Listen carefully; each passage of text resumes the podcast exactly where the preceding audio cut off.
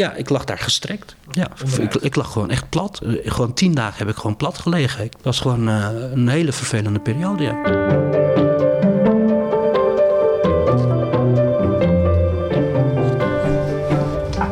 Mesdames et messieurs, dans quelques instants, nous arriverons à Rotterdam Central. Rotterdam Centraal. It is.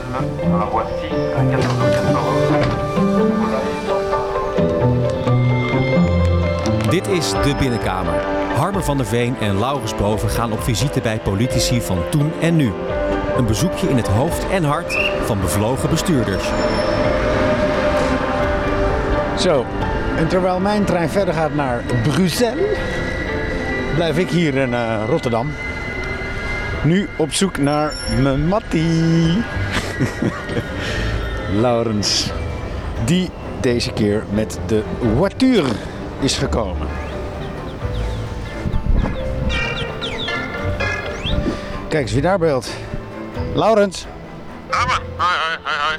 Deze man, Hoi. ik, heb nog nooit, ik heb nog nooit zoveel problemen gehad om een parkeerplaats te vinden. Dat zegt, ik dacht dat Rotterdam een autostad is. Ach, arme jongen. Ik kan nergens parkeren hier. Jezus, wat een wind. Wow. Hallo. Hi. We moeten even uit de wind, Laurens. Wat is dit, joh? Je gewoon eh, zo'n zo'n windplopkap mee moeten nemen. Ja, zo'n cavia. Ja, Moeten we die kant op? Ja. Oké. En wie gaan we ontmoeten? Tunahan Kuzu. Toenan is genoeg. Tunahan? Ja, je mag het een beetje inslikken. Toenahan? Wat is de achternaam? Nee, zijn voornaam. Eh, Zijn broer heb ik gesproken en een, een collega, eh, Kamerlid van Baarle. En Ja. die zeggen allemaal Toenan. Tunan. Tunan Kuzu. Oké. Ja. Nee, die woont hier midden in Rotterdam, in het centrum van Rotterdam. Hij is natuurlijk ook een Rotterdammer. Is hier in de gemeenteraadspolitiek actief geweest voor de Partij van de Arbeid. En is eh, eh, naar Den Haag gegaan in 2012, tien jaar geleden. En ja, en we weten het natuurlijk, hè, daar eh, samen met Ustur kreeg hij ruzie bij de PvdA-fractie. En scheurde af. En heeft Denk opgericht. Ja, en, die, en dat is daarom dat ik het leuk vind om hem te ontmoeten. Omdat het heel zeldzaam is eh, dat afsplitsers worden herkozen bij de verkiezingen daarna met een eigen partij. Dat was voor Denk alleen Geert Wilders gelukt. En daarvoor moet je weer terug tot aan de jaren 70 zo'n beetje, voordat iemand dat lukt. Afsplitsers komt, komen vaker voor, maar dat mensen... Meestal loopt het slecht af. Dat loopt dan slecht af. En, eh, maar hij, duidelijk niet. Nee, hij, Kuzu en Usturk hebben dus samen zijn ze erin geslaagd om een partij op te richten die ehm, eh, ja, stabiel genoeg is om dus tot twee keer toe nu te worden gekozen in de Tweede Kamer. Ja. En ook lokaal, hè, we staan vlak voor de Niet gemeenteraadsverkiezingen. Ehm, ja, gewoon een hoop steden eh, actief is. Ja, nog steeds. Dus ze zijn eigenlijk echt manifest aanwezig gebleven. Een, een, een, een factor van betekenis. Ja, Laurens, tegenwoordig hebben we wat administratie voordat we beginnen. ja, Nieuwe vrienden. vrienden van de show. Ik heb ze opgeschreven. Weet jij ze uit je hoofd? Eh, nou, we hebben er een paar, we hebben er volgens mij één of twee nieuwe bij. Drie nieuwe. Drie nieuwe zelfs. En Zekere- eentje die we vergeten zijn te noemen de vorige keer. Noem maar. Dina, mijn moeder. Ze was een beetje aangedaan, hè? Een beetje Ja, dat weet je wel, maar eh, ze had... eh, dat haar niet noemde. nee, maar ze had wat eh, discussie met de website. Maar, en daardoor was het administratief nog niet doorgekomen. Wisten wij niet dat zij onze vriend is. Ze zei toch, Laurens, ik was al vriend, maar je noemde me niet. Ja, nou ja, precies. Nou, ik, ik, ik, ik had het zelf een beetje door. Wacht even, er was toch iets met mijn moeder. En toen eh, dan hadden we er opgenomen. En toen wist ik van, oh shit, we noemen er niet. Dus dat is Maar natuurlijk... ze staat erop, ik heb gezien, ze heeft zelfs betaald. Juist. Ze- steunt Ja, ons financieel. abonnement, toch? Ja. 27,50 euro, een jaar lang de binnenkamer. Ja. Eh, zekere Thijs, zag ik. ja, die ken ik eigenlijk alleen maar van Twitter. Die, die ken ik helemaal niet eigenlijk. dat onze eerste echte Dat is nieuwe? onze eerste echte vriend van buiten, ja. En Ja, er stond nog een bovenop. ja dat is een tante van mij. Marieke. Allemaal bovens. Een hoop bovens. Ik ben een beetje onrustig, moet even laten indalen. Maar we moeten ook nog even de vorige afleveringen nog bespreken. Vincent Karremans, zo waren we ook in Rotterdam. Op de Moeder Hoop zijn we zelfs vergeten, maar laten we eerst maar laten even Vincent Karremans doen, want dat is wel heel leuk. Want wij komen nu als Amsterdammers, mogen we dat eigenlijk zeggen? Ja hoor. Ja? Twee keer achter Trots. elkaar in Rotterdam. Ook om leuk, fantastisch. Rotterdamse politicus te interviewen. En ehm, weet je, je moet even blijven staan. Vincent Karremans, wat ik zo ontzettend leuk van, vond, we kwamen daar binnen. En die man, die is eigenlijk in alles het tegendeel van jouw vrouw. Jouw vrouw is wethouder in Amsterdam. Hij is wethouder in Rotterdam. Jouw vrouw is van de Partij van de Arbeid. Hij is van de VVD. Jouw vrouw is een vrouw. Hij is een man. En dan komen we daar binnen. In die keuken. ga daar zitten en ik kijk daar en ik van verdraaid. Dit is exact dezelfde tafel als jij in jouw huis hebt staan. Met zo'n exact zo'nzelfde bank erlangs, langs de muur met stopcontacten aan de Ja, onderkant. klopt allemaal. Viel mij Ja. ook op. Dat is toch interessant? Bleek die ook nog uit Wassenaar te komen, waar mijn vrouw vandaan komt. Dezelfde school gezeten. Dezelfde middelbare school. Ja. Ik vond, helemaal, ik vond het heel grappig. Van, hey, is dit een soort... Voor, van, van, van, van, aan de ene kant zijn ze heel verschillend. Hè, want ideologisch... eh, Maar dezelfde oorsprong. maar dezelfde oorsprong. En kennelijk dezelfde Keuken. stijl van inrichting voor de keuken. Scherp, scherp gezien. Ja, welke is het nou? Is het nou, is het nou die of is het... Ik denk die, want dit ziet eruit als... Er staan die twee enorme torens. Eh, niet te veel details eh, weggeven. hè. Politici willen liever niet dat mensen weten waar ze wonen. Maar wij zien twee grote woontorens en ik denk dat die is. Wil je het ook nog even hap de moede hoop hebben? Uh, de Hoop. PvdA, jongste Kamerlid. Hebben we ook gewoon in de binnenkamer al gehad. Ja, dit is een best beluisterde aflevering. Eh, ja, we moeten daar nog over zeggen. Friese boerenzoon met eh, Ethiopische roots. Zo is dat. En een, hij is, ja, ik denk wel iemand, maar volgens mij hebben we dat ook benoemd, hè, dat hij toch wel iemand is waar de Partij van de Arbeid veel van zal verwachten voor de komende jaren. Omdat eh, ja, niemand onder de 30, kijk maar naar de peilingen en de uitslagen, niemand onder de 30 stemt op de Partij van de Arbeid. Nee, die hebben een groot probleem met jongeren aan zich te trekken. Ja, ja die gaan allemaal naar Volt. Ja, Ook in Amsterdam, hè? ja dat heb ik ook, ook gezien, ja. Dus dat is. ehm, Dus de, de, de PvdA Dus, moet deze man- jongen koesteren. Zo'n man, zo'n man als uh, Haptemoe, die echt eh, ja, bevlogen is voor zijn generatie. Ja, daar zullen zij echt wel, die zullen ze moeten beschermen. Dat hij gewoon heel hard die Kamerperiode doorkomt. En dan eh, eh, iets kan gaan betekenen, denk ik, voor die partij. Die, die naam gaan we in ieder geval niet vergeten. Hij kan lang genoeg voort. Dat lijkt mij ook. Hoop doet leven.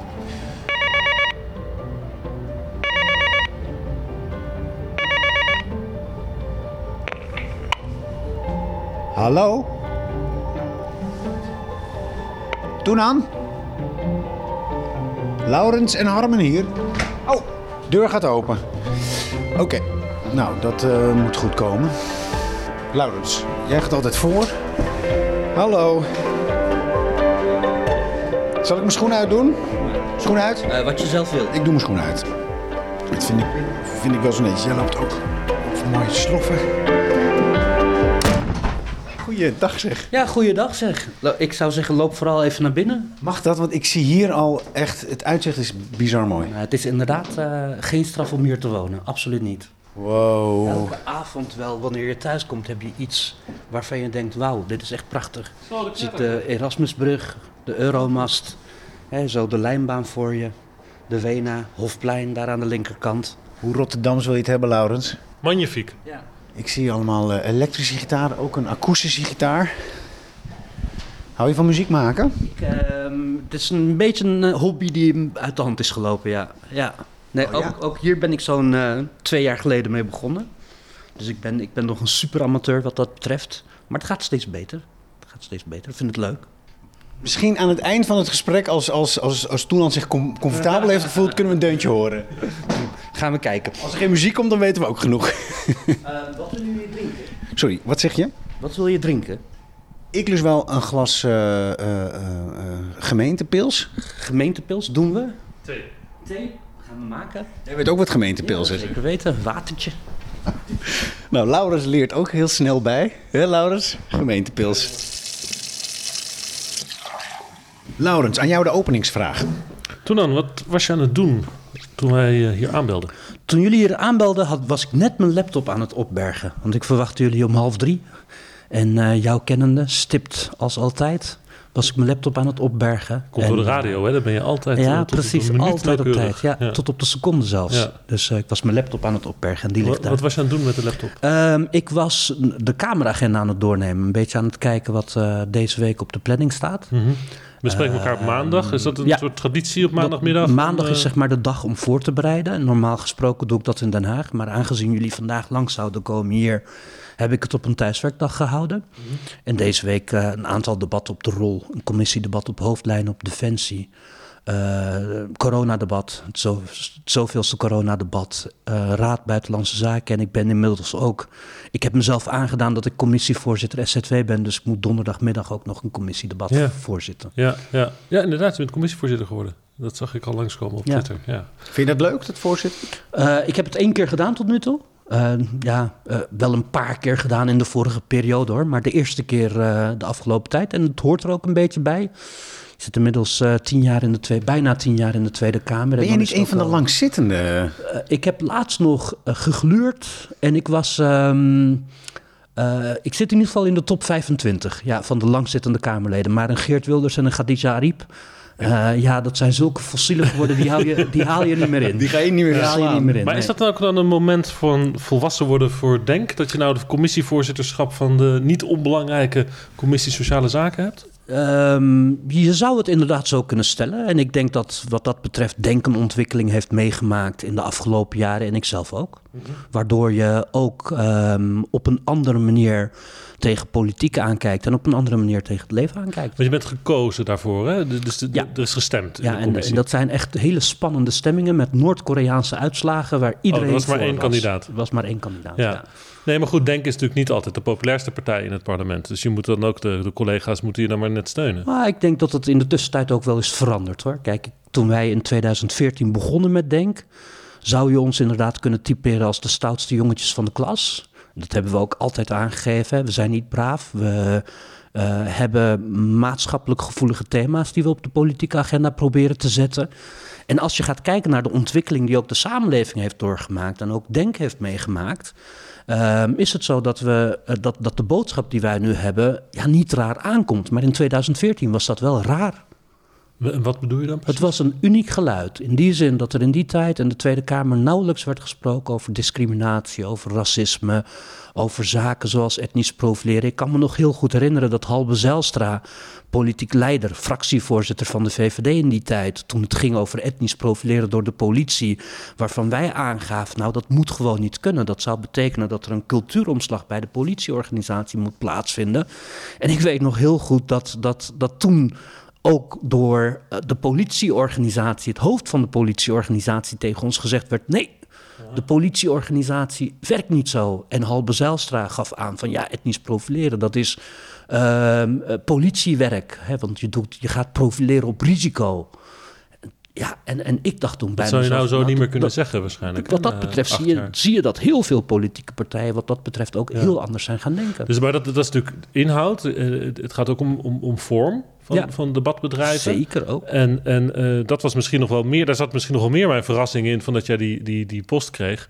Omdat een paar jaar geleden is er nog een motie aangenomen tegen Denk. Heel uniek. De Tweede Kamer die een motie tegen Denk aanneemt. Ja, eh, Over het maken van filmpjes over op, we collega-Kamerleden. werden dan niet met naam en Niet met naam toenaam genoemd, nee. En, en iedere Maar lezer Ariep, wist de wel... voorzitter, heeft zelfs haar naam onder ja, de motie iedereen wist wel waar het over ging. En daarover heb ik er ook vaak genoeg aangegeven. Kijk, ehm, als ik het nu over zou mogen doen... dan had ik het waarschijnlijk op een hele andere manier gedaan. Die filmpjes had je niet meer gedaan. Nou, kijk, het gaat in, in specifiek gaat het om één filmpje waar heel veel Kamerleden last van hebben gehad. En, en als ik daaraan terugdenk, dan denk ik van dat hadden we niet op die manier moeten doen. En voor de luisteraar, dat filmpje, dat was het filmpje... Dat ging over het etnisch profileren van een aantal Kamerleden, stemgedrag in kaart brengen op basis van eh, ja, eh, etniciteit, zou je kunnen zeggen. Maar de gedachte van ons was toen echt anders. Eh, want waar het om ging is dat wij ook wel zagen dat een aantal Kamerleden in de Tweede Kamer een heel ander verhaal hielden dan in de buitenwereld. Eh, tijdens campagnes was het een heel ander verhaal dan het stemgedrag in de Tweede Kamer. Ja, jullie wilden ze eigenlijk betrappen een beetje. hè? En ze voelden zich ook Nou, geïntimideerd daardoor. Nou, betrappen We moeten er niet te lang bij stilstaan hoor, maar Ja. het was wel iets nieuws. Nu, nu, Forum van Democratie bedient zich behoorlijk van dat soort intimiderende filmen en confronteren. Jullie waren toch en, wel... en eh, ik, denk, ik denk bij mezelf, ehm, ik, ik vind transparant zijn vind ik belangrijk. Mhm. dus, dus betrappen is het, vind ik ook zo'n eh, woord waarvan je denkt, van, hoe hoe moet je dat nou gebruiken? ja.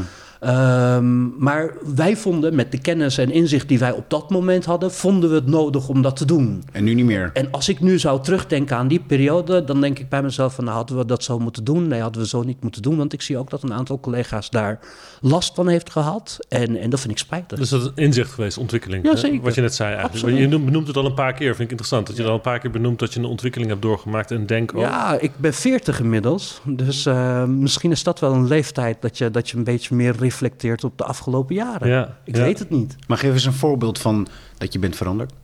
Ehm, Persoonlijk, ik bedoel, de denk is inderdaad eh, rustiger geworden, zullen we maar zeggen. Maar jij dus blijkbaar ook. Nou, ik, ik denk dat ik ehm, wat dat betreft ook wel geduldiger ben geworden. Ja. Ehm, ach, ik- ik- ja, wa- waarschijnlijk gaan we het daar straks ook wel over hebben hoor. Maar toen ik ooit de politiek inging, had ik het idee van, nou, ik ga de samenleving veranderen. Eh, en, en inmiddels zo'n 15 jaar verder, dan denk je bij jezelf van, nou, een klein, klein stapje in de goede richting is al heel wat. Ja. De- dus je nam het groots op toen, de hele samenleving. Ik denk dat dat ook een beetje bij de leeftijd hoort. Ja. Van, je wil de wereld verbeteren. maar ook een beetje bij jouw 25. karakter, heb ik de indruk. Ehm, ja, dat zou zomaar zo kunnen zijn, ja. ja. Nee, ik doe het wel ergens Want je voor. bent ooit begonnen bij de Partij van de Arbeid, hè? Klopt Dat helemaal. weet iedereen, maar dat moeten we toch even benoemen. We hebben Hier, allemaal jeugdzondes, hè? hier in Rotterdam, Ja, ehm, eh, voor de gemeenteraad. Eh, om dan maar even meteen naar dat punt terug te keren, 15 jaar geleden. De wereld veranderen, eh, waarom? Wat, wat wilde je? Nou, ik ben, ehm, ik ben opgegroeid in Maasluis. En dat is hier eh 15 kilometer vandaan. En tijdens mijn studie ben ik in Rotterdam komen, komen wonen. En dat was rond het jaar 2000, de millenniumwisseling. En je zag in die tijd dat, dat de stad eh, politiek ook werd opgedeeld in tweeën. Op basis van etnische achtergrond. Eh, CQ, religie. Ehm, en het was voor het eerst dat eigenlijk rechtspopulisme ehm, groot werd. In Leef deze van stad. Rotterdam, hè? Ja. Pim Fortuyn. Ja, het was het die tijd dat ik dacht van, nou, ik, ik vind het eigenlijk heel naar dat de stad zo eh, wordt opgedeeld in twee groepen. Je zag Pim Fortuyn als iemand die, als een tegenstander. Iemand die het tegen, Op het punt waar ik tegen me, wie jij bent. op het punt waar ik me op dat moment het meest druk om maakte, was dat inderdaad een tegenstander. Want punt hij was dat? problematiseerde de multiculturele samenleving. Ja. Eh, hij pro- problematiseerde eigenlijk mij als persoon, mijn ouders, mijn familie, mijn vrienden, mijn kennissen, mijn omgeving en eigenlijk eh, op dat moment zo'n 40, 50 procent van de stad. En was je dat daarvoor niet gewend? Weet je in, in je geboorteplaats daar niet mee geconfronteerd? Nauwelijks. Ja. Nauwelijks. Want, want hè, ik, ik was op mijn basisschool was ik de enige met een migratieachtergrond. Ik heb op een gymnasium gezeten. Ik was een van de weinigen. Je kon ze echt op één hand tellen. En ik, ik heb het idee dat het in die tijd niet zo zichtbaar was. Het was wel aanwezig, maar het was niet zo zichtbaar. En eigenlijk, hè, als, ik me, als ik terugga naar die tijd, dan werd vaak tegen mij gezegd van... eh, ja, jij bent niet zo, jij bent anders. En, en op dat moment, hè, dan ben je nog hè, 12, 13, 14, dan denk je van, nou leuk, compliment, je bent niet zo. Maar als je daarover gaat nadenken, dan is dat eigenlijk een grove belediging. Want je bent niet zo. Dat, dat heeft er alles mee te maken. Daarmee bedoelen ze. Ja, jij bent niet zoals de rest. En de rest is. We hebben migratieachtergrond, Turks, moslim, weet ik veel wat. En probleemmakers, blijkbaar. Blijkbaar. Eh, en, en wat er dus specifiek gebeurde door te zeggen: jij bent niet zo, word je als individu uit een groep gepakt. Jij wordt dan apart gezet. Ehm, gedaan, hè, omdat ze mij dan kennen, wordt mij het gevoel gegeven van: jij bent eh, anders. Je bent niet net zoals die groep. Je bent eigenlijk een van ons. Maar De- als ik, als ik dan zeg maar die persoon niet zou kennen, dan zou ik dus op die manier gezien worden. Onderdeel zijn van die groep. En, en later, als je daarover gaat nadenken, dan steekt dat wel. En het polariseert, want je komt eigenlijk klem te zitten tussen, tussen twee groepen. Dus nee, want, want ik heb wel van kleins af aan heb ik wel meegegeven dat je eh, de, het vermogen moet hebben om tussen die groepen te bewegen. En gewoon heel eerlijk, ik, ik, ik, ik heb een Turkse achtergrond. Ehm, ik, ik ben wat dat betreft ook, hè, thuis was het, was het de Turkse cultuur. En, en op school was het, was het de Nederlandse cultuur. Dus ik ben eigenlijk van kleins af aan, van, van, vanaf de peuterleeftijd, wel gewend om te laveren tussen die twee eh, culturen. Je bent ook gewend. En daardoor is een hele nieuwe cultuur ontstaan. En die is echt heel zichtbaar in deze stad. Vind ik prachtig om te zien. Een nieuwe cultuur, zeg je. Diversiteit. Ja. ja, terwijl de... Onderbreek nu even de vragen die Harmen misschien aan het stellen was, maar de, ehm, de manier waarop je dan beoordeeld werd, even terug naar dat moment rondom 2000, ehm, daar ging het dus helemaal niet om dat die nieuwe cultuur, zoals jij hem omschrijft, de Turks-Nederlandse cultuur, eh, dat dat niet werd gezien als een deel van Nederland, maar als, een, eh, als iets vreemds. Ja, als iets anders. Ja. Terwijl, En als een Turkse cultuur eh, die niet in Nederland thuis hoort. Hè? Dat, dat, dat- zo expliciet zal Fortuyn het misschien niet hebben gezegd, maar daar kwam het eigenlijk wel op neer. ehm, eh, ook al eh, was het zo dat hij, hij, hij had met name problemen met de multiculturele samenleving. Dat neemt niet weg dat hij op een aantal punten gewoon heel erg gelijk had hoor. En het staat hem voornamelijk in de probleemanalyse, nauwelijks in de oplossingssfeer. Ehm, maar, maar Hij was zelf trouwens ook van de Partij van de Arbeid vroeger. Hè? ja, precies. Eh, dat, wat dat betreft hebben we dat, dat dan ook nog eens gemeen. Eh, en, en een eh, groot hart voor Rotterdam vind ik ook wel belangrijk. Maar wat, wat er dus gebeurde in die tijd was... was ehm, hey, je zag echt eh, verwijdering ontstaan. En dat heb ik het eh, meest expliciet gemerkt... na de aanslagen op de Twin Towers op 11 september 2001. Eh, toen zag je eigenlijk dat dat proces vervolmaakt werd. Dat, dat, eh, ik, op een gegeven moment... Mensen gingen zo- moslims wantrouwen. Ja, wantrouwen. En je werd ook gewoon anders eh, bekeken. Je moest constant verantwoording afleggen over hetgene wat daar gebeurde. Want jij was onderdeel van die subgroep. en, en ik Zag je jezelf toen als moslim? Nou, zeker. Ik ben, ik ben moslim. Ehm, eh, ik heb een Turkse achtergrond en ik ben Nederlander. Ik ben opgegroeid in dit land. Ik ben Nederlander. Ik heb ook vrienden namelijk zelf die rondom 11 september eh, opeens allochtoon werden. Ja, Omdat ze dat daarvoor... eh, omdat de omgeving ze dus als een allochtoon gingen behandelen. Ja, ik vond dat eh, Farid Azarkan, eh, mijn, mijn collega, die zegt dat heel mooi. Hey, ik sliep als de veelbelovende ambtenaar Nederlander en ik werd de volgende dag wakker als de Marokkaan moslim. En, en ik denk dat heel veel mensen van mijn generatie die dat bewust hebben meegemaakt, echt exact hetzelfde voelen. Dat was echt een, een eh, m- markeermoment waarop Ja. je opeens heel anders werd bejegend en heel anders werd gezien. En dan is het Pijnlijke periode. Pijnlijke periode. Ja, zeker. Het was eh, inderdaad eh, eh, niet goed voor de sociale cohesie in Nederland. En wat vond je pijnlijk? Wat deed Omdat, omdat je van de ene dag op de andere dag eh, werd gewantrouwd op basis van een actie van een of andere maloot hier ver vandaan. En, en terwijl je in dit land eh, bent opgegroeid, hier naar school bent geweest. Je- ik was op dat moment aan het studeren. Ehm, en je wordt dan ineens op basis van een achtergrondkenmerk wordt je beoordeeld, veroordeeld en gewantrouwd. Dat is pijnlijk. En zit de pijn dan erin dat je je eruit gegooid voelde of zo? Of, of dat je je niet, opeens niet meer bij de grote groep hoorde? Nou, de, de grote groep. Ik zag, wat, ik, wat ik op dat moment heel eh, naar vond, was dat je, dat je ook klontering zag ontstaan op basis van die etnische achtergronden. Dus, dus op de Erasmus Universiteit had je gewoon een kliekje met, met, met eh, eh, eh, Turkse Nederlanders. Je had een kliekje met Marokkaanse Maar dat, Nederlanders. dat werd versterkt door dat 11 september Zeker. eh, drama. Die, die zochten elkaar ook op. Meer dan daarvoor, Ja, absoluut. Want door jouw leeftijd heb je dat dus toen zeer bewust meegemaakt als, als, als nou ja, adolescent, nou, jongvolwassene. Ja, zeker. Je was toen 20 ongeveer. Ik was twintig. Maar da- Ik was ja, 20. dat is wel de wording van je, van je, van je politieke bewustzijn en maatschappelijke opvattingen. En, en hè, van, van, als je mij vroeger had gevraagd van, hè, toen ik klein was, had gevraagd van wat wil je later worden, had ik nooit gezegd de politiek. Wat had je dan gezegd? ja, eh, ik wilde altijd arts worden, of, eh, maar ik was heel een drama in natuurkunde, scheikunde, wiskunde B. Ik was absoluut geen beta. Meer eh, de alfavakken lagen me veel beter. En op een gegeven moment kwam ik er dus achter van, nou, dat, dat geneeskunde gaat hem niet worden. En toen dacht ik van, nou, wat zal ik eens gaan doen? Dacht misschien rechten. Nou, ik ging naar de Erasmus Universiteit voor een, voor een voorlichtingsdag. En toen zeiden ze, dit is het leukste wat we doen bij rechten. En dat vond ik zo saai dat ik Oh. dacht van, nou, dat wordt hem ook niet. En toen? Toen ging ik bestuurskunde doen, omdat je van alles een beetje kreeg. Ja. En, en eh, ja, dat, dat, dat beviel wel, ja. ja Uiteindelijk ben je gaan werken in de gezondheid. Da- Daarom, ik heb de laatste jaren van mijn studie heb ik me ook eh, verdiept in, in de gezondheidszorg. En dat was echt in de periode dat de nieuwe zorgverzekeringswet, het nieuwe zorgstelsel zijn intrede zou doen. Dat vond ik altijd wel boeiend. En ik dacht van nou, als ik, als ik hier aan eh, ga zitten, dan heb ik de rest van mijn leven wel werk, dacht ik. Maar ik had nooit gedacht in die tijd, hè, de- de- ik ga de politiek in. Nee, terwijl jouw broertje, ik heb jouw broertje gesproken, Kemal, die heeft jou altijd een grensverlegger genoemd. Hmm. En, een, en een vechter. Ja. Ja, nou kijk. Dus die zag wel je al zag, iets. Je zag wel van kleins af aan, hè, ben ik me wel heel bewust. ehm, eh, maar, maar ook op dat moment heb je dat niet in de gaten. Maar je ziet eigenlijk maatschappelijke problematiek. Ja, en weet je, jij zag dat op hele jonge leeftijd.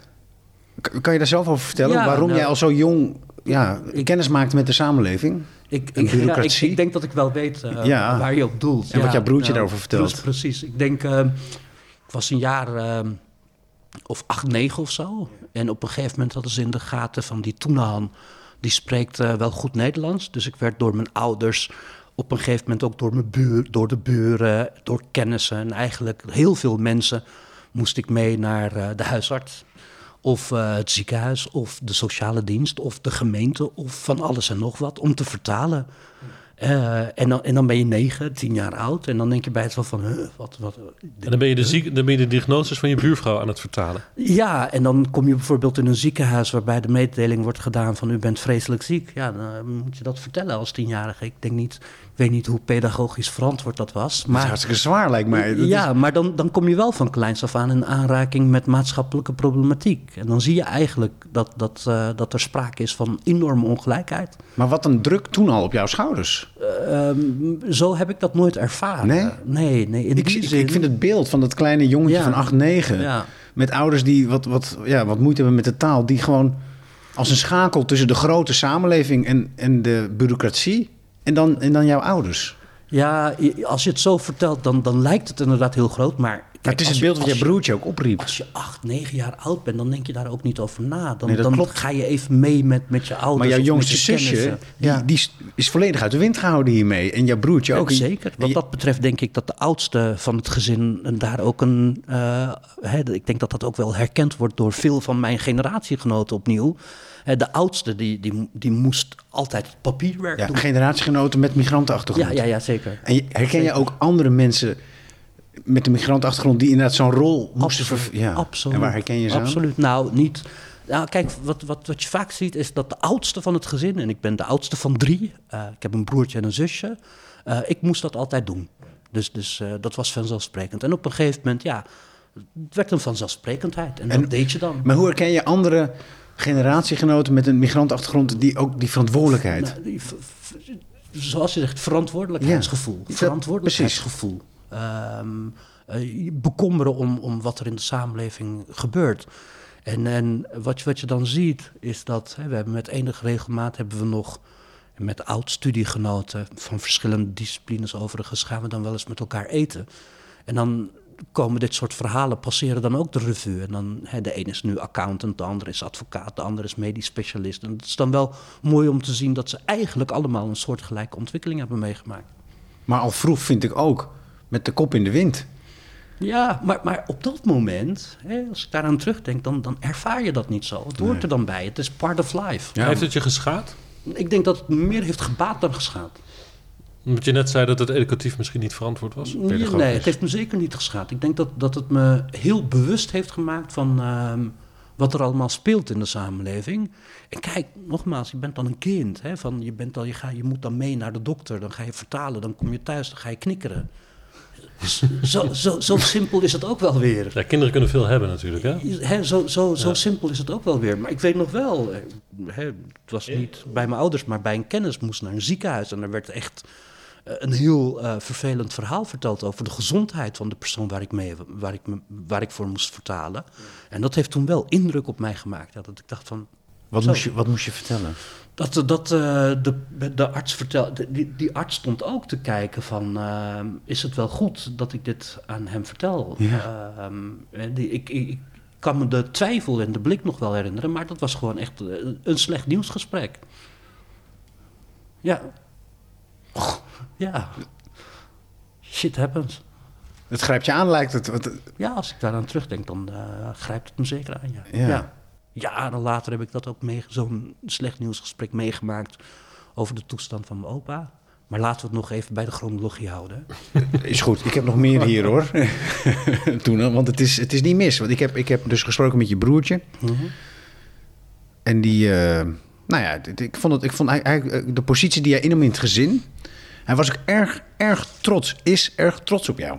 Ja, dat, dat, eh, het, is, ook een schat van een kerel hoor. Ja. Jij, jij hebt hem telefonisch gesproken. Ja. Maar- Zal ik dan nog één, één ding vertellen wat, wat toen dan voor zijn broer heeft gedaan? Een, een heel bekend verschijnsel waar nu de maatschappij erg veel problemen mee heeft. En misschien zie je het al in misschien onderadvisering. Ja, ja, ja, Ja. ja. zeker. Hij werd- ik heb toen echt gevochten voor en ik, was, Ja. ik ben vier jaar ouder dan mijn broertje. Ja, Eh, en ik heb toen wel echt voor hem gevochten, ja. ja. hij werd ondergeadviseerd. Ja, hij werd ondergeadviseerd. Op de basisschool Op de gebracht. basisschool. En ehm, Eh, Ik heb daar toen echt eh, de gesprekken gevoerd met de leraren. Ja, Eh, fikse toen, was, gesprekken. toen was je 16. zelf. Ja, ja precies. precies. En ik, ik, hè, we zaten op dezelfde basisschool, dus ik kende eh, de leraren ook. Dus, dus ik ging dan ook eh, aangeven van ja, maar wat, er hier gebeurt, nou, dat kan, kan toch helemaal niet. Want jij hebt zelf wat voor een advies gekregen? Ik mocht naar het gymnasium. Oké, dus jij, hebt een, jij bent niet ondergeadviseerd, zullen we nee, zeggen. Duidelijk nee, niet. nee, zeker, nee, duidelijk niet. Nee, maar blijkbaar schoot Je jij had dus- helemaal door het dak en konden ze niet anders. Maar jouw broertje, Nee, nee, ik had wat dat betreft had ik in groep 8 Ja. en eh, eh, ook in groep 7 had ik gewoon echt fantastische leerkrachten die eigenlijk al, ehm, die, die mij ook echt gewoon, hè, het zijn leraren die ik nooit zal vergeten. En wat heb je dan tegen die mensen gezegd dat jouw broer dus als VMBO, MAVO kreeg hij. En wat Ja. heeft hij uiteindelijk gekregen? Ha- MAVO, HAVO, dus mocht een... eh, En hij, mocht HAVO. naar de HAVO. HAVO, HBO. HAVO. Ja. Dus hij heeft HBO gedaan uiteindelijk. Uiteindelijk heeft hij HAVO Ja, wat, wat heb je tegen die mensen gezegd dat Eh, dat, dat gelukt is? dat, dat, dat ik hem lang ken. eh, en dat ik, dat ik mijn eh, mening was. En wat hij, kijk, in die tijd eh, had je niet de CITO-toetsen, maar de entree-toets. Dat was in groep 7 en het ging echt puur op basis van de oordeel van de leraar. En in groep 8 had hij gewoon een hele moeizame relatie met een leraar die daarvoor gymleraar was. En later eh, leerkracht was geworden. eh, en het was zijn eerste keer dat hij ehm, eh, een, een klas had, zeg maar. En, en, ik, en ik had zoiets van, ja, maar hij kan echt wel meer dan, dan wat hij nu krijgt geadviseerd. En uiteindelijk heeft hij het ook gewoon waargemaakt. En dat vind ik dus mooi om te zien, dat, dat zo'n gesprek, dat, dat, het is toch eigenlijk ook een gesprek waarvan je dan zou verwachten... dat zou je vader of je moeder moeten doen met zo'n leraar? Ja, maar kijk, dat is, dat is het. Mijn, mijn ouders, ehm, eh, die zijn in... eh, Mijn opa is hier in 1963 gekomen. Mijn ouders hebben geen benul van, van het onderwijssysteem. Dat hoorden ze dan van vrienden, kennissen, et cetera. En ze vonden het ook... Hè, toen, toen aangegeven werd dat ik naar het gymnasium mocht... hadden ze zoiets van, ja, ja wat, wat, wat is dat? Ze waren wel trots uiteindelijk. Hè, van, van, je krijgt zeg maar het hoogste schooladvies. Eh, en dan gingen we naar Schiedam. Ik we een intake met, een, met, een, met de rector van de school. En dat was van, eh, ja, waarom, waarom wil je naar deze school? Ja, ja dat, mijn, mijn eh, leraar zei dat tegen mij. Dus ehm, eh, zij stonden daar helemaal niet bij stil. En, en dat is dus, wat, wat dat betreft zie je dat daar wel echt een ontwikkeling heeft plaatsgevonden. Waar het gaat om het thema onderadvisering. En misschien waren wij dan wel een van de pioniers daarin. Je ziet dat ouders tegenwoordig ook veel mondiger zijn geworden en ook echt hun recht op. Ook ouders met migrantenachtergrond. Ja, zeker. Want er wordt wel gezegd, en ook wel onderzoek wijst dat uit, dat kinderen uit migrantengezinnen ondergeadviseerd worden, Correct. omdat men denkt, ja, dat is te hard werken, te zwaar, te weinig ondersteuning thuis. Klopt. En dat laatste klopt vaak ook. Maar ja, dat geeft ook weer aan waardoor ze dat het al extra knap is als ze al een fantastische Ja, en vaak zie je in, die groep, en dat zie ik dus ook, hè, dat zag ik op de universiteit, maar dat zie ik eigenlijk eh, nog steeds. eh, wanneer wij bijvoorbeeld eh, medewerkers, sollicitanten krijgen, dan zie je veel stapelaars.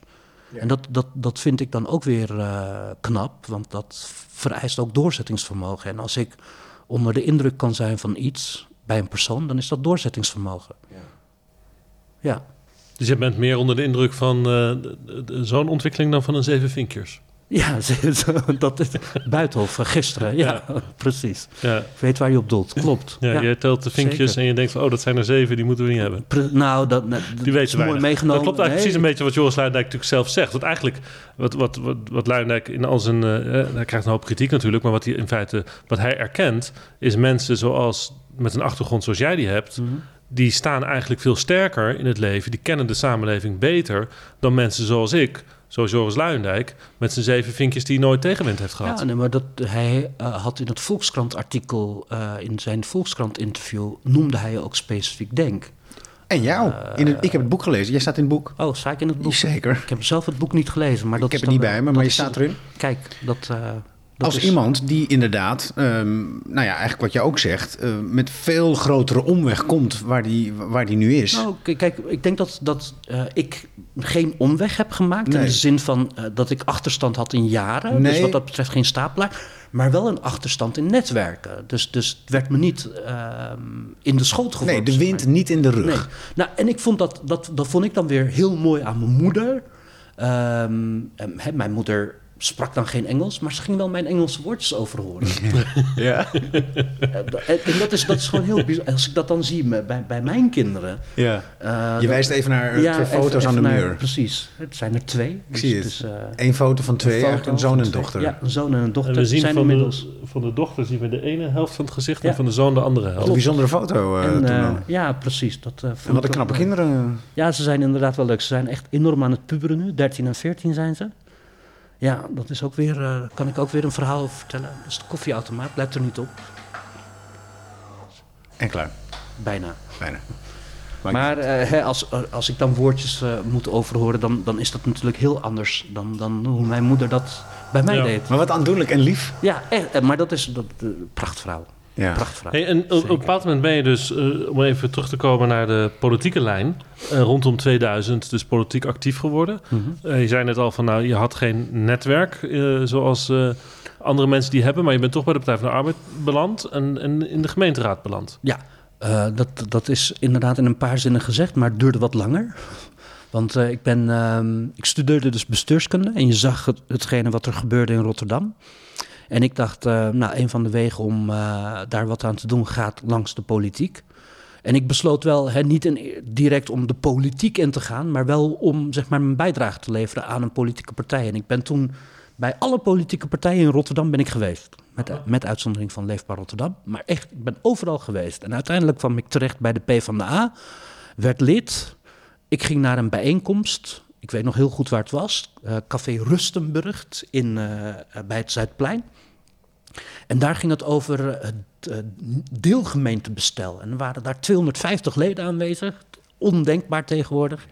250 leden aanwezig die fel gekant waren tegen de ideeën van het, van het college over, of van het kabinet over de deelgemeente. En ik dacht bij mezelf van, nou, dit is niet waar ik het voor zou doen. Dus ik ben toen een tijdje ben ik niet gegaan naar bijeenkomsten. Je vond het te klein, te, te Nou, micro. Deelgemeente, dat ging echt over de baantjes van de, van de deelgemeenteraad, van die deelraadsleden in die tijd. Jij dacht meer aan heel eh, Rotterdam. Ik, eh. ik, wilde had- ik had de- de andere land prioriteiten. Ik had andere prioriteiten. ja, hij wilde de wereld veranderen Ja, zelfs. ja, de Ja. wereld veranderen. Dat ging je niet hard genoeg al nee, meteen. nee, begin bij de deelgemeente. Hè. De- nou, maar goed, uiteindelijk, ehm, een periode later, zag ik een mail voorbij komen waarin ehm, eh, er een activiteit werd georganiseerd voor nieuwe leden. Dat heette de maandagavonden. Dat waren tien maandagavonden waar een prominent persoon van de PvdA langskwam om een inleiding te doen.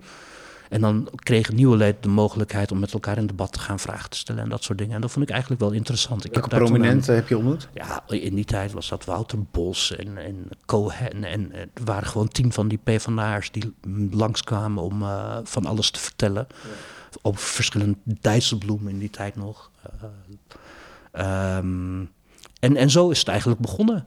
Eh, dus tien maandagavonden geweest. En daar waren ze dus ook heel bewust aan het scouten in die tijd. Eh, en ik werd toen gekoppeld aan de gede- gedeputeerde van de Provinciale Staten van Zuid-Holland, Edith Hallensleven.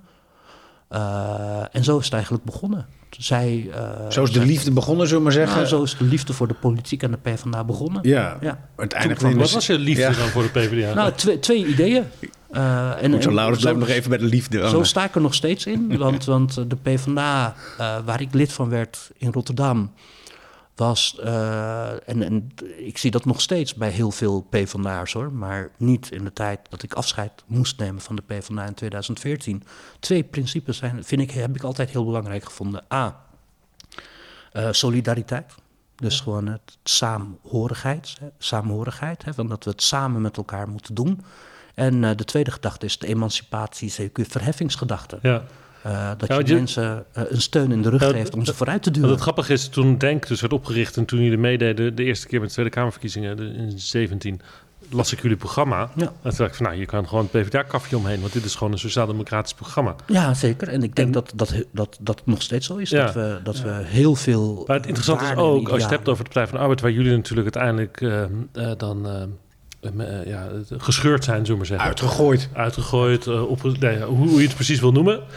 Nou, zijn we allemaal dat van is geweest. natuurlijk met. Er zijn natuurlijk meer mensen met een migratieachtergrond die eh, ooit bij de PvdA zijn begonnen en daar uiteindelijk niet functioneerden. Om wat voor reden dan ook. We hebben er eentje in onze podcast. Dylan. Jezus. Dylan Jezielgus. Ja, Die heeft ook bij de PvdA gezeten. En, uh, Ayane Jali. Ja, en Zini Usdeel is natuurlijk bij GroenLinks geweest... en is daar, heeft daar uiteindelijk uh, niet uh, kunnen functioneren binnen de partijstructuur. Wat zit daar volgens jou? Want Dylan die zei tegen ons in de podcast... dat zij eigenlijk door de PvdA... Um, ja, ze moest vooral een allochtoon blijven. Ze het eigenlijk, nee, ja, zielig. Ah, te makkelijk. Zielig kwetsbaar. Te makkelijk. Wa, Kijk, wat, waarom voor mij was het grootste verschil... er zijn natuurlijk ook heel veel PvdA'ers die, die wel zijn gebleven. Denk bijvoorbeeld aan Nebat Al-Bayrak, Hamid Karakouche, op dit moment senator. Marcouch en uh, burgemeester, Marcouch, en, burgemeester Arnhem. Arnhem. Allemaal niet per se vrienden van jullie overigens, geloof nou, ik, denk?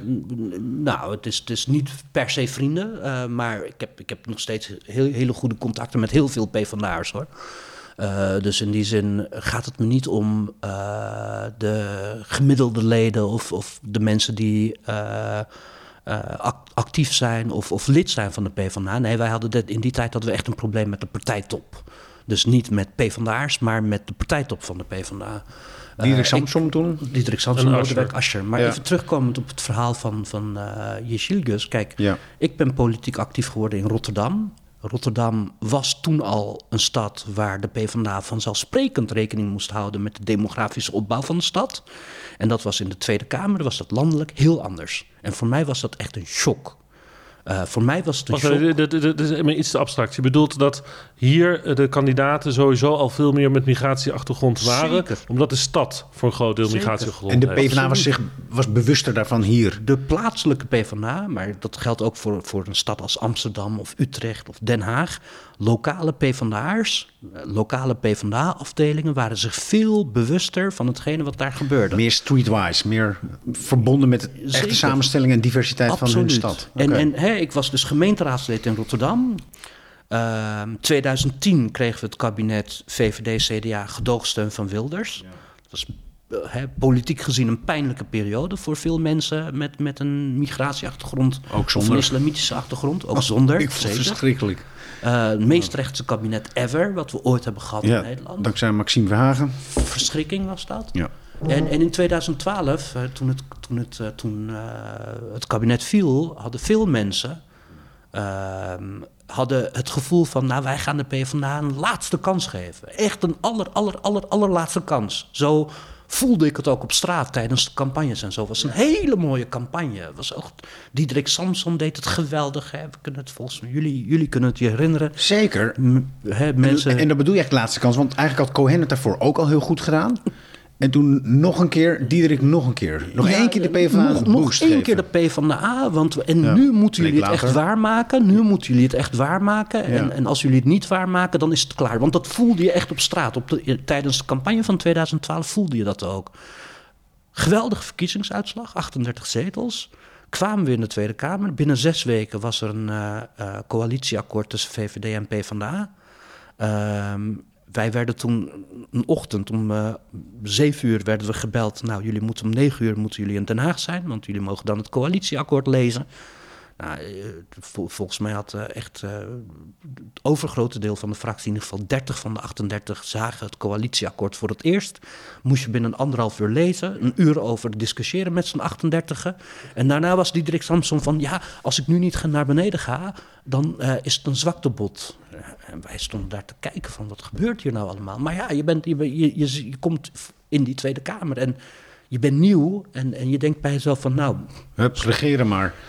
Ja, gaan met die banaan, denk je dan. Maar goed, ehm, Maar je zegt net niet voor niks. van een koude kermis thuis. Ja, je zegt net niet voor niks dat in de campagne het gevoel was van we geven de PvdA nog één keer onze stem. En dat was binnen de kortste keren was, was dat vertrouwen wel geschaad. ja. En eigenlijk het moment dat de coalitie met, met Rutte gesloten werd, Nee, nee, nee. Toen was er nog hoop, want, want toen ging de discussie over de inkomensafhankelijke zorgpremie. ja, Dat was eigenlijk in die vijf jaar tijd was dat de enige keer dat de VVD in de problemen kwam. ja, maar daarna was het een beetje... Onderhandelingstechnisch gezien. Daarna was het eigenlijk wel gedaan en zag je ook in de peilingen inderdaad dat de PvdA al... eh, ja, eh, Daarna was het constant slikken voor de PvdA. De strafbaarste illegaliteit. Ik weet nog heel goed de nacht van Dalmatov, een Armeense asielzoeker die zichzelf had opgehangen in een eh, Ja. detentiecentrum. Maar toen dan, was dit ook het begin van jou dan de verwijdering tussen jou en de partij? Nou, wij hadden in die twee jaar tijd dat we in de PvdA zaten, hadden we ook stevige discussies over de En wie zijn wij? Ehm, veel fractieleden, in ieder geval. Ik kan er zo. ehm, heel veel, de hele fractie eigenlijk. waren constant aan het discussiëren en debatteren over de koers van integratie. En, en er waren een aantal eh, fractieleden die eh, het idee hadden dat ze de witte arbeidersklasse die ze hadden verloren aan de PV, dat ze die moesten terugwinnen. En dat ze daardoor eigenlijk ehm, veel meer eh, het gras voor de voeten van Wilders moesten wegmaaien. En een ander deel wat zoiets had van, nou, maar dat, dat past niet in de ideologie, in het ideaal wat wij hebben. En, en uiteindelijk, je zag ook gedurende die twee jaar dat, dat, dat, dat, dat er steeds heftiger werd gereageerd op eh, integratie. En, en eh, het gaat dus niet van de ene dag op de andere dag, maar uiteindelijk de spreekwoordelijke druppel die de emmer deed overlopen, was een onderzoek die door hè, het bureau Motivaction naar buiten werd gebracht over dat 88% van de Turks-Nederlandse jongeren en 82% van de Marokkaans-Nederlandse jongeren IS-sympathisant zou zijn. En ik dacht van, nee, maar dat herken ik niet. En toen was het, je moet je mijl houden. En ik had zoiets van, nou, dat ga ik niet doen. En toen was het zo van, ja, maar als je dat niet doet, dan, dan hebben we een probleem. Ik zei van, nou, wat dan? Nou, hier heb je een verklaring, die moet je tekenen. En als je die niet tekent, dan schoppen we je eruit. En zo is het dus gegaan. Dat lijkt mij een traumatische... korte versie. Dat onderzoek is, eh, is later ook weer teruggetrokken hè, door Absoluut. Motivation. Want Ja. dat, eh, dat klopte niet. Motivation gaf al vanaf het allereerste begin aan, dit is methodologisch niet Nee. representatief en niet verantwoord. Maar- Ja, en te volgens mij heeft ook Maar Asscher... laten we niet het hele rapport weer doorakkeren. want Ja. dat, eh, maar Ja. dat lijkt mij een traumatische ervaring. Dat was inderdaad vreselijk, ja. Misschien wel een van de moeilijkste. Hè? Dan ben je 33. Toen het gebeurde was, was ik 33.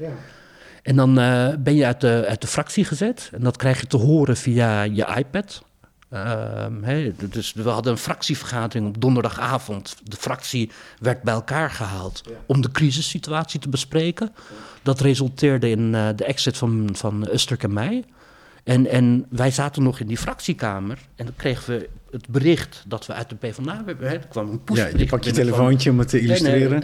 eh, eh, had zijn, had zijn iPad voor zich en ik zag daar een pushbericht voorbij komen van Turkse Kamerleden uit de PvdA gezet. En ik, de eerste reactie was van, hè, nu ben ik plotseling een Turk geworden.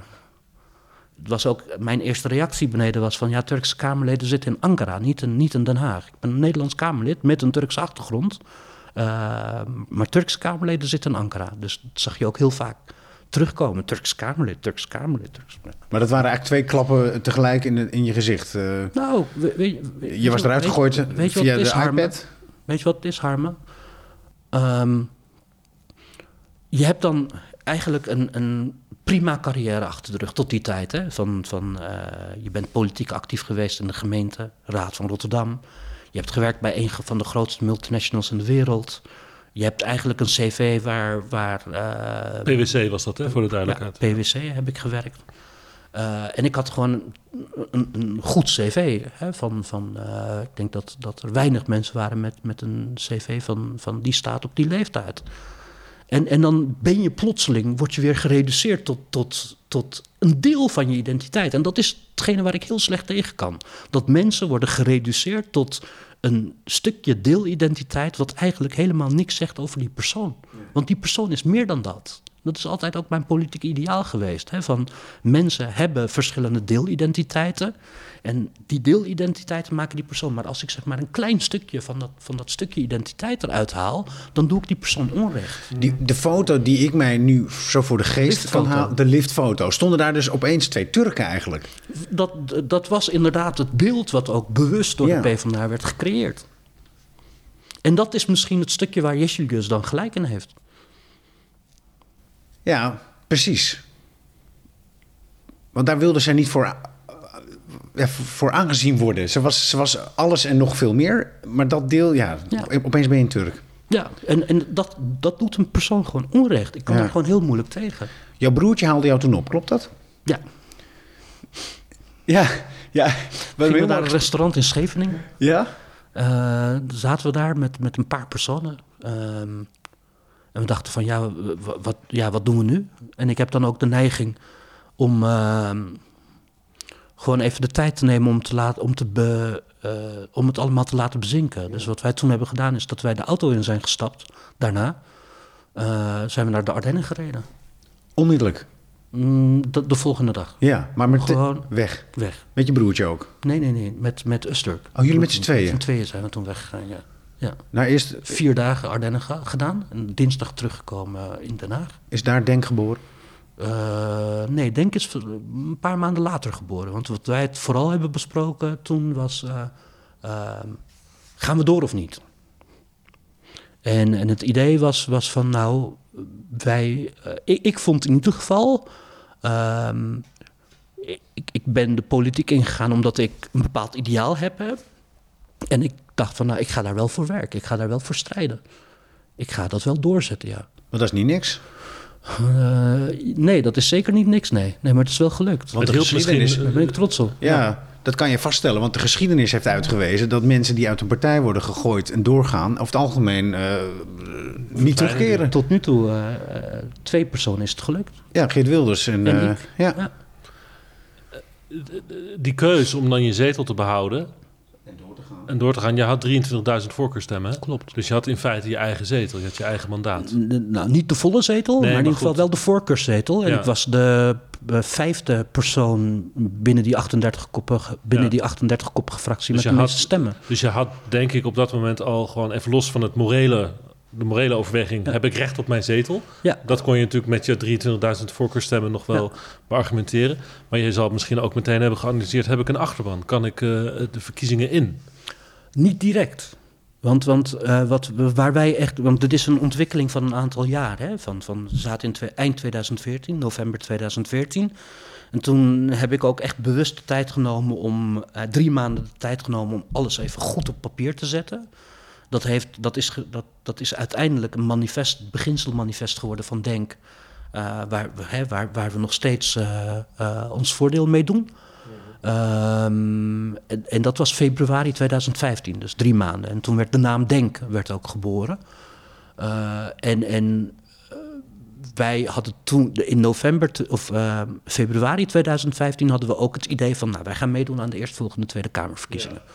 En we hebben wel echt drie maanden de tijd genomen, en ook door, door gesprekken te voeren met heel veel mensen, eh, om te bekijken van, gaan we het nou doen of niet? Dus we zijn echt niet over één nacht glad ijs Ja, gegaan. jij bent iemand, nou, goede naamkeuze natuurlijk, maar jij bent iemand die goed nadenkt.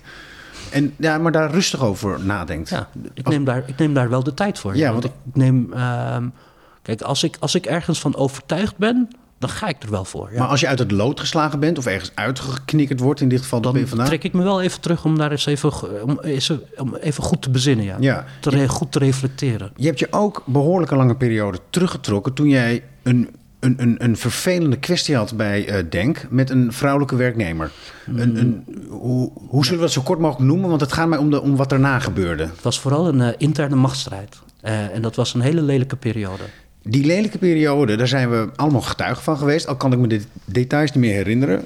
Dat is dan weer mijn talent, gelukkig. Maar wat vrienden van jou zeggen en jouw broer, maar ook eh, Stefan van Baarle, je fractiegenoot, en die ken je al heel lang. Ja, Dat jij toen bijna twee weken gewoon van de radar bent klopt. verdwenen. Ja. Waar was je? Dat, hier, Ja, in dit appartement. hier in dit appartement. En je broertje zette ik- en ik boodschappen lag- neer. Ik lag, ja, ik lag daar gestrekt. Maar, wat, Het was gewoon eh, een hele vervelende periode, ja. maar depressief, overspannen, uit het veld geslagen. Nee, nee, het was, het was gewoon van, wat overkomt mij nu? Maar je Want- echt, want- echt bam. Ja, Onderuit. Ik, ik lag gewoon echt plat. Eh, Gewoon tien dagen heb ik gewoon plat gelegen. Ik kon me niet... Ik kon eigenlijk... Sorry hoor. Eigenlijk... ehm, eh, A, vanwege de beschuldiging. Ja. was pijnlijk. Eh, en B, vanwege de manier waarop eh, mensen waarvan ik dacht dat ze dicht bij me stonden, ermee omgingen. Ehm, en dat raakte me wel enorm, ja. Het was een pijnlijke periode. Voor, weet, weet je wat ik het pijnlijkste vond? Eh, het was het begin van de coronacrisis. En, en je zag dat het begin van de coronacrisis... dat, dat wij ehm, bij Denk gewoon bezig waren met een, met, een, met een andere crisis... die gewoon totaal niet relevant was. Ja, ja, en dat was gewoon, eh, het was gewoon dat, van, waar zijn we nou mee bezig? Joh? Dat, als, ik daar naar, als ik daar naar terugkijk, het was gewoon een hele lelijke periode, ook voor Denk. Ik denk dat we ons toen niet van onze beste kant hebben laten zien. Door wie voelde jij je toen eigenlijk eh, verraden? Ik kan, ik, kan daar, ik kan daar heel lang over vertellen. Nou, doe maar kort. gelukkig is dat, is Mag dat lang, gewoon- maar- Is dat, gelukkig is dat verleden tijd. Maar in die tijd hadden we een enorme discussie over de koers van, van de partij. Hè? Van eigenlijk de ontwikkeling die wij hebben meegemaakt... is dat we wat serieuzer en volwassener politiek wilden bedrijven Ja. op een andere manier. Want jullie begonnen natuurlijk ruig. Ja. Daar hebben we het al over gehad. Ja, en, precies. En nu En zijn dat, jullie, was, dat was inderdaad de babytijd, hè, de kindertijd of Ja. de puberale tijd. en nu zijn jullie volwassener. zijn volwassener geworden, ja. En die crisis toen van, van twee jaar geleden eigenlijk, dat, dat, jij zegt dat dat bijna een uiting daarvan is geweest. Wij, wij hadden eh, een enorme discussie over... willen we nou constant confronterend zijn? Ja, of En, en ikzelf, eh, maar ook eh, Farid bijvoorbeeld... ehm, en ook heel veel eh, mensen binnen ons kader... die hadden zoiets van, nou, is dat confronterende... dat mag je nu wel achter je laten. Je mag echt nu wel de volgende stap gaan maken. En, en Maar Usturk was daar duidelijk niet aan toe. Want die, die, hem werd verweten dat hij soms vanuit de kamer riep. En eh Ariep had wel last Kijk, met hem. Ik kan veel over eh Uster vertellen, maar wat ik, wat ik vooral ehm, niet zal vergeten is dat wij in de periode 2014 tot 2020 echt zij aan zij hebben gestaan. Goed zo. En samen eh, dat gevecht hebben gevoerd. Maar, daarom- het is gewoon lelijk geëindigd. Maar daarom lag je daar waarschijnlijk ook even uitgeteld. Omdat dat... Dat raakte me enorm, ja. Wat, en Ja. dat werd op het spel gezet Maar eigenlijk. kijk, dat had je niet zien Dat is aankomen. misschien ook wel een stukje van mijn persoonlijkheid. Hè? En Ja. ik heb daar ook wel, hè, in die twee weken dat ik hier lag, heb ik daar ook wel over nagedacht. Van, van ehm, wat, ben ik nou eigenlijk voor, wat ben ik nou eigenlijk voor iemand? En ik ben denk ik iemand die eh, mensen misschien soms te snel eh, het vertrouwen geeft.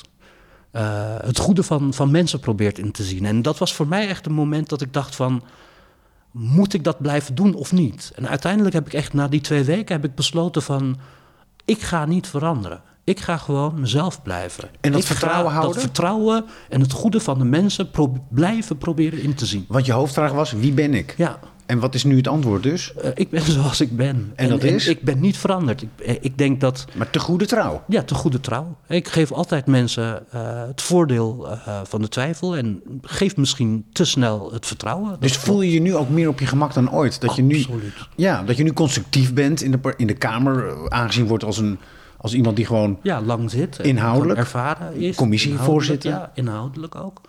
Op in ieder geval hè, de, de eh, thema's die ik heel belangrijk vind. Buitenland, asiel, et cetera. Ehm, corona ben ik, ben ik nog steeds wel confronterend, maar dat verdiende de vorige minister. Ehm, Jouw oom is overleden aan corona. Nee, hij had, hij had corona, maar daarna had hij een, eh, hij had een longen. Corona was een onderliggend lijden. Corona was onderliggend. De corona was onderliggend, ja. Maar hij was zwak van gezondheid. Lang, longembolie heeft hij, Ja. is, is hij uiteindelijk aan overleden, ja. In Turkije. In Turkije. Ja, dit snij ik even aan, omdat, omdat dat Ja. ook nog kort geleden gebeurd Ja, is. dat, en hij dat was inderdaad ook een pijnlijk moment. En, ja. eh, als, ik zo, als ik daaraan terugdenk, dan... eh, eh, mijn oom, waar ik een hele goede band mee had... en ik was toen, dat heeft mijn broertje denk ik ook wel verteld... Het was weekend, volgens mij een zaterdagavond... en ik was aan het slapen en hij is eigenlijk de enige die de sleutels heeft van dit appartement... En hij kwam gewoon binnenstormen en ik was gewoon aan het slapen. Het was gewoon 12 uur. Hij maakte me wakker en hij zei: eh, eh, Onze oom is overleden. Ik zeg: Wat zeg je me nou? Ik werd wakker. Ik stond op. Ik boekte een vliegticket. De volgende ochtend was ik weg. Maar ik heb toen de hele nacht drie, vier uurtjes achter elkaar in de sportschool gezeten. En toen ik in het vliegtuig zat, kon ik, kon ik gewoon niks meer optillen. Van alles was gewoon moe. Om bij te komen van dat nieuws dat hij weg Ja, was. zeker. Ja. Van, ik moet de tijd een beetje verdrijven. Dat was inderdaad eh, mijn oom. Ehm, ik, heb, ik heb drie jaar geleden heb ik een neefje verloren. Ehm, die, was, eh, die, was, die was 22 toen die overleed. En ik heb mijn opa. Nou, dat zijn eigenlijk wel de drie ehm, personen die ik, eh, waar ik het meeste verdriet van heb gehad. Ja. En kan je dat nou beter weerstaan, die tegenslagen, omdat je het een en ander over jezelf hebt geleerd? Het is toch elke keer anders. Ja. Het is toch elke keer anders. Ehm, maar eh, wat ik, wat ik daar vooral van heb geleerd is dat je dat, je dat soort situaties kan voorkomen. Kijk, wat ik, wat ik, waar ik, ik, ik ben nu, eh, denk ik, ehm, dat zeggen in ieder geval de mensen om me heen, zeggen dat enorm van eh, sinds eh, twee jaar, dus, dus na, eh, na die crisis, zeggen ze van jij bent gewoon een heel ander persoon. Ehm, eh, kijk, toen wij in 2014 begonnen met Denk, was dat een enorme verantwoordelijkheid. Hè, van, van, en ik vo- voelde dat ook persoonlijk zo, van het zou en moest slagen. En ik heb daar echt alles voor gegeven. Kijk, ik sliep 50 uur in de week. Voor de rest was ik gewoon constant bezig met werk. Constant. Ehm, dus wat dat betreft heb ik, heb ik uh, in de periode 2014-2020 heb ik ook echt geen leven gehad. Nee, maar die laatste twee jaar zijn echt, echt veranderd. Ben je veranderd? De laatste twee jaar heb ik ook geprobeerd om een betere balans te vinden in uh, het werk wat ik doe. Ja. Door gewoon bewust een aantal verantwoordelijkheden neer te leggen. Herken je dat, Laurens? Want jij, jij volgt hem natuurlijk vanuit Den Haag. En je hebt hem uit het gebouw en bij de patatbalie heet het dan. Herken je dat, die verandering? Heb je dat een beetje kunnen waarnemen? Nou, uh, ja, uh, deels wel. Ik denk zelf dat het vertrek van Usturk wel heel veel heeft veranderd in hoe Denk zijn politiek bedrijft. Uh, Azarkan is natuurlijk ook een heel ander soort. ik weet eigenlijk niet wie zijn fractie zo. Azarkan is een fractievoorzitter. Ja, zeker. Ja, precies. Zeker. Dat, dat, die, die, dat gaat op een andere manier. Alhoewel nog, nog steeds de momenten van confrontatie er zijn. Uh, tussen Denk en de rest van de Kamer, zeg ik maar even. Dus dat moment van dat, dat jullie uh, gezien worden als een, een, een, een, vreemde partij... die er misschien niet helemaal binnen het, uh, de kaders bij hoort. Hè, de, ik, ik, kan me dat debat herinneren over die vreselijke moord op die Franse leraar. Ja. Um, waar um, op een bepaald moment Asserkan melding maakte van het feit... dat er een petitie was ingediend vanuit islamitische kringen... om godsdienst godslastering strafbaar te stellen. Belediging van de profeet, ja. ging het om. Ja. Exact. Nou, en dat uh, sloeg de, de rest van de Kamer volledig in het verkeerde keelschat. Heel veel mensen in het, in het land waren daar ook woest over... dat als ik aan op dat moment die uh, opmerking maakte. En dat was wel een moment dat er weer even die situatie was van... Uh, hey, hier wordt wel confrontatiepolitiek bedreven. Kijk, en dat is, dat is nou precies um, de meerwaarde van Denk, denk ik, in die Tweede Kamer. Wij baseren ons altijd op de rechten en de plichten die voortkomen uit de grondwet. En, de, en, er zijn, we hebben heel veel vrijheden en verworvenheden die in de grondwet zijn begrensd. Denk bijvoorbeeld, het bekendste voorbeeld is de vrijheid van meningsuiting. Ja, en iedereen heeft het recht om zijn mening vrij te uiten. En dan staat er in de grondwet, staat er behoudens de verantwoordelijkheid van ieder voor de wet. Dus het is begrensd. De vrijheid van meningsuiting is in de grondwet begrensd. Als we gaan kijken naar het recht van petitie, dan is dat onbegrensd. Ieder heeft het recht om een petitie in te dienen. Of je het nou leuk vindt of niet. Azarkan heeft dan zelf ook aangegeven: ik heb die petitie zelf niet getekend. Maar er zijn mensen die deze petitie hebben ingediend. En ik vind het juist de plicht van een Tweede Kamer om op te komen mm. voor beginselen uit onze grondwet. Zonder aanzien des persoons, zonder aanzien welke religie het ook is, dat recht hebben mensen. En op het moment dat ze dat recht hebben en ze daar gebruik van maken, dan moeten we weten dat het gaat over een belangrijk uh, principe ja, waar onze rechtsstaat op is gebouwd. Het ging om de timing, hè?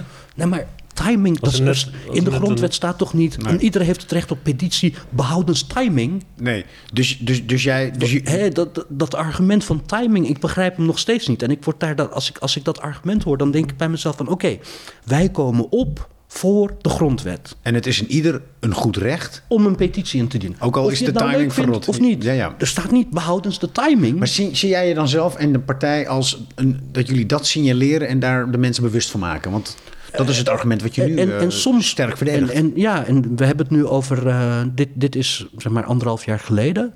Uh, het was inderdaad een, een, heftige discussie. Maar echt op het moment dat, dat er sprake is... en dat die petitie, wel, was door honderden duizenden mensen was dat, was dat ja. getekend. En, en ja, wij nemen het voor die mensen op. Dan heb je omdat, het, omdat het ook een principe is van onze grondwet. En, en jij ziet het als een soort signaalfunctie?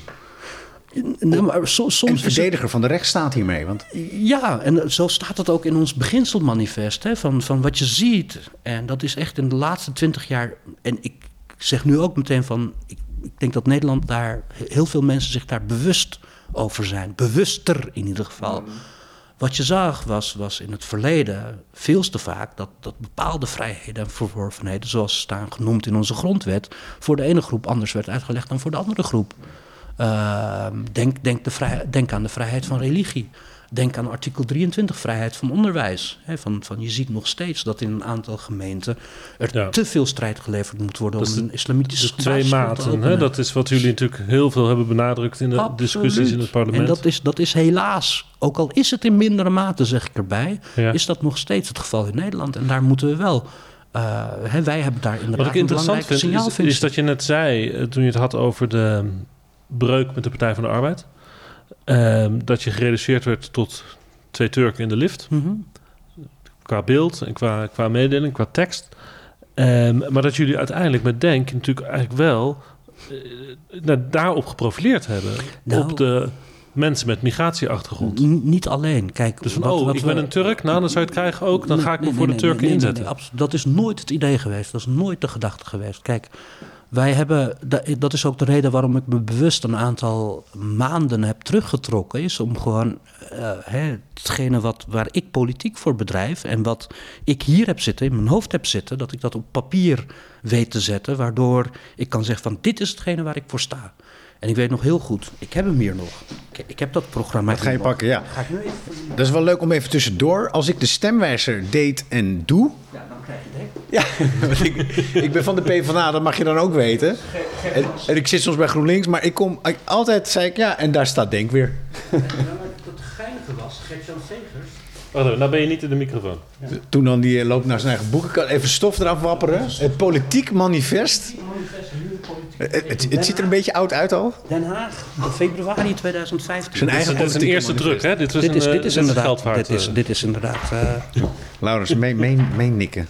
hier, eh, eh, één, eh, de belangrijke vijf hoofdstukken. Ja. Ehm, ehm, en het eerste hoofdstuk gaat, gaat dan over de verdraagzame samenleving. Toen dan Dat leest voor uit wij- eigen werk. Dat is wat wij dan integratie noemen. Tweede aspect, sociaal. Hè, dat zijn de sociaal-economische onderwerpen.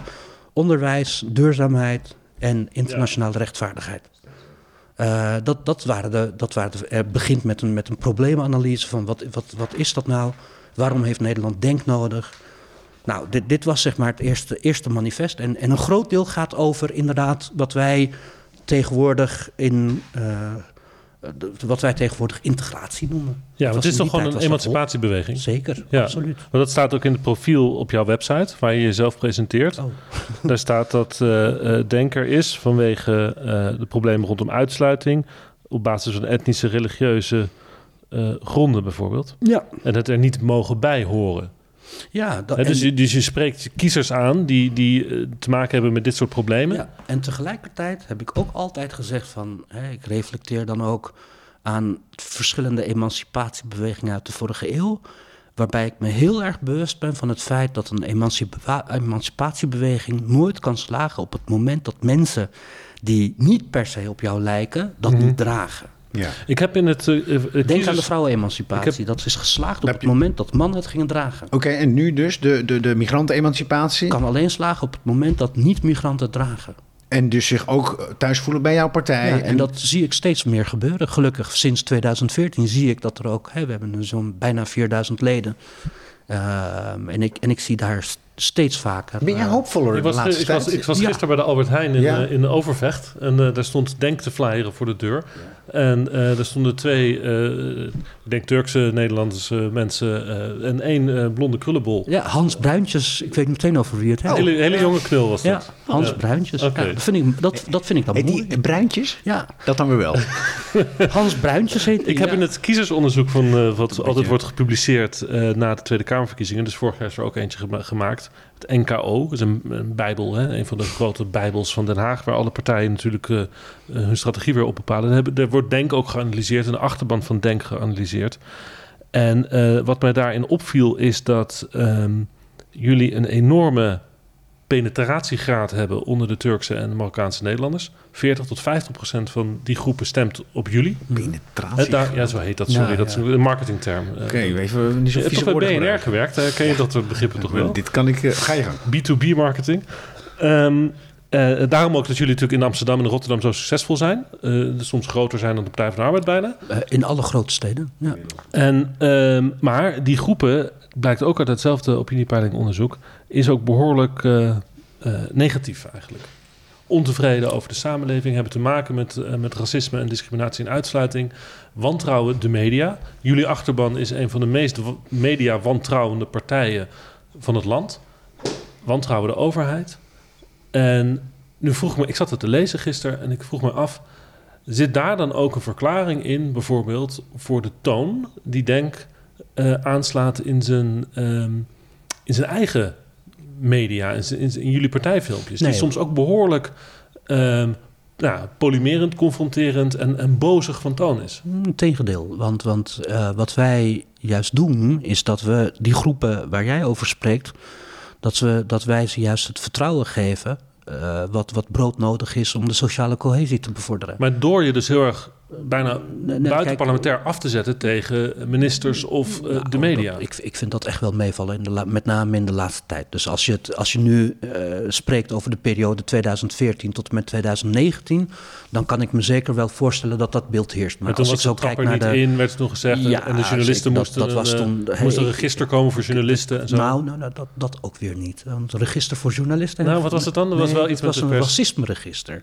Dus, hè, en eigenlijk hebben we dat dus ook. Nee, er moest toch ook een soort, soort, soort keurmerk komen voor wanneer je een Nee, dat is wat bent? anders. Dat, was, dat is zeg maar hè, dat, dat uh, journalisten een eet moeten afleggen. Ja, dat, dat ze, dat ze getrouw Ja, zijn precies. aan hun Ja. eigen beginselen. Ja. Ehm, Maar goed, dat, dat, dat hebben we dus ook weer niet meer. Maar eh, dan kan je inderdaad kan je de periode 2014, 2019 kan je echt wel typeren als confronterend. Mhm. Uh, en dat had wel een doel, eh, om ervoor te zorgen. En dat is denk ik ook wel elke nieuwe politieke partij die een opkomst is, hè, die, die maakt die ontwikkeling denk ik mee. De PvdA, de, hè, de voorloper van de PvdA, deed dat met de stakingen uh, aan het begin van de vorige eeuw. De SP gooide in de jaren tachtig tomaten tijdens uh, bijeenkomsten.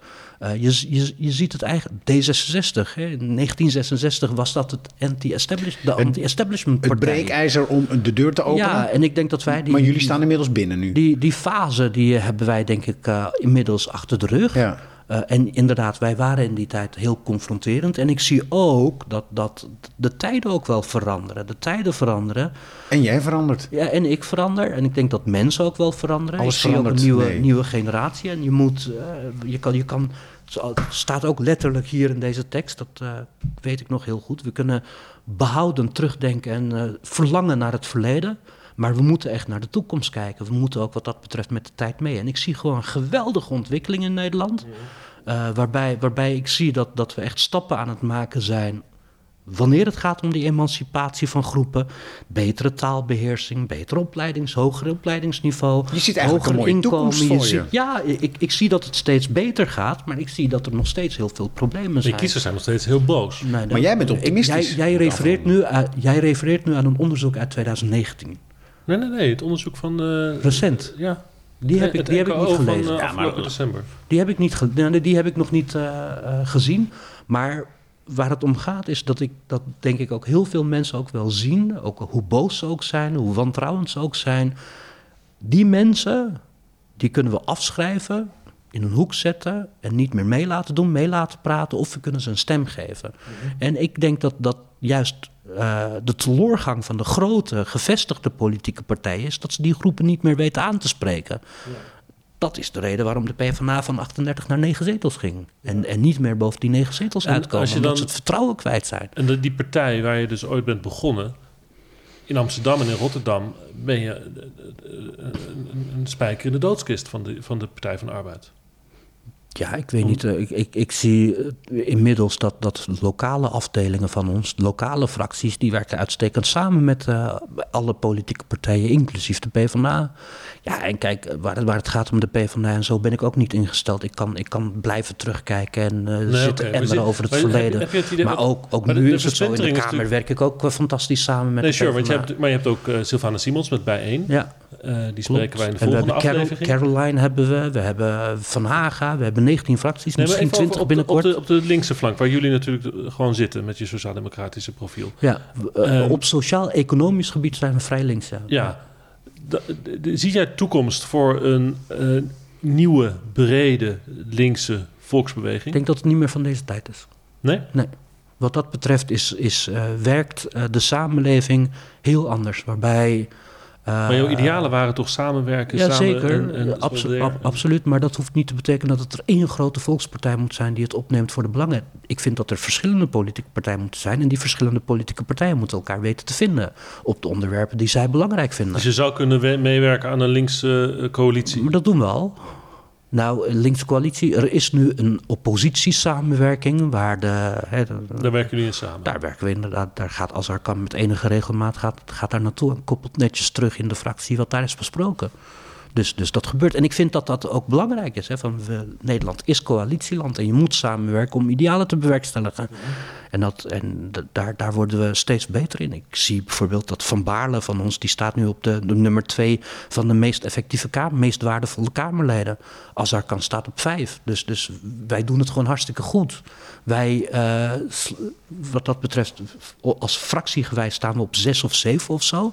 Dus met drie man doen we, uh, krijgen we ongeveer hetzelfde voor elkaar wat een GroenLinks of een PvdA voor elkaar krijgt. Ja. Uh, en dan zeg ik er ook nog bij, uh, en dit is, dit is misschien, misschien heel bout gesteld. Ehm, ik denk dat, dat als wij, en dat, dat gaat echt komen, ook al is het niet nu, misschien is het de volgende generatie die dat voor elkaar gaat krijgen. Uh, als je ons puur beoordeelt op hetgene wat wij binnenhalen en waar wij voor staan, dan zouden we uh, veel meer zetels halen dan drie. En als Farid Fred had geheten en ik had Tony geheten, dan hadden we zeker meer zetels. Fred en Tony? Ja, hadden we meer zetels gehad. Absoluut. Niet doen, hè? Nee, nee, nee, ik, ik ben tevreden. Fred en Tony van Denk. Dank voor dit uh, gesprek. Graag gedaan. Aan je eigen keukentafel. Vond je het leuk? Ik vond het uh, gaaf, ja. ja. Toch anders. Ja? Ja. Hoe? Nou, het is, het is in ieder geval niet die korte quote die Laurens nodig heeft voor, uh, voor de radio. Of zo. Jij bent veranderd, maar Laurens ook. Ja, hij weet het. Hij uh, reist ook nu. niet meer voor de radio. Hij reist nu. Goed, ja. hè? Ja, zeker. Laurens komt bij je thuis. ja, ja. Deze lente. Hartstikke gaaf. En uh, dan gaat hij over luisteren en zo. Leuk dankjewel man. voor de gast. Leuk man, dankjewel. Graag gedaan. Even het uitzicht weer bekijken. Ik wil een selfie even zo... oh. Oh ja, ik moet even foto's maken. Jouw telefoon is beter dan die van mij. Ja, maar nu met z'n drieën een keer. Kunnen we dat proberen? Met de lange arm van Erdogan. Waar is je fototoestel nou? Oké. Okay. Ja, het is, ik, vind, ik hou ervan. Mag ik een sigaret? Ga je gang. Ik, zei, ik denk dat je al eerder zin had in een sigaret. Maar uh, Laurens wil ook roken. Ja, ik, ik vrees stiekem ook, maar dat gaan we een andere keer. Laurens, ja, nee, we gaan eerst nog een foto maken. Niet roken op de foto, toch? Nee, jij mag wel, maar... Wauw, wat een goede camera heb je.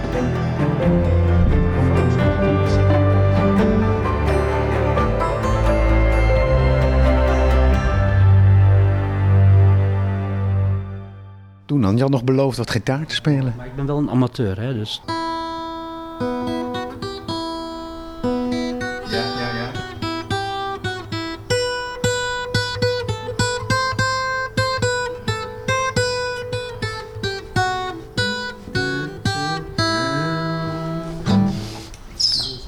Schitterend, dankjewel. Graag gedaan. Kuzu, op de hoek van zijn bank. Bij zijn gitaren vindt hij rust. En ook zijn partij komt volgens hem in een rustig vaarwater. Maar wij zitten in de stroomversnelling. Wij gaan door. In de volgende aflevering met Sylvana Simons. En had ik al gezegd dat je ons kan steunen? Word vriend van de show via vriendvandeshow.nl slash de binnenkamer. Vriendvandeshow.nl slash de binnenkamer. Dank.